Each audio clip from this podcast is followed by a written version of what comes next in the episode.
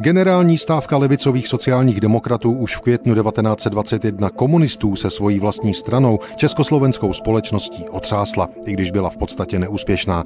Je to vidět i ve sto let starých lidových novinách. Ty se vracejí k dění povánočního 27. prosince 1920. Referují například o schůzi poslanecké sněmovny svolané na 4. leden i o tom, že soud zřejmě požádá parlament o vydání některých komunistických poslanců, jejichž provinění během stávky jsou prokázána. Ve velmi podobném duchu se nese zpráva o dění na liberecké radnici.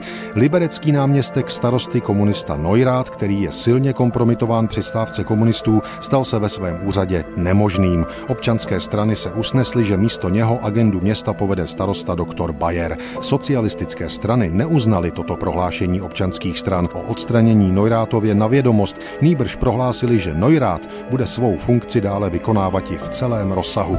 Sto let starý příval informací v lidových novinách obsahuje i výčet ztrát československé ekonomiky, kterou komunisté svojí stávkou způsobili.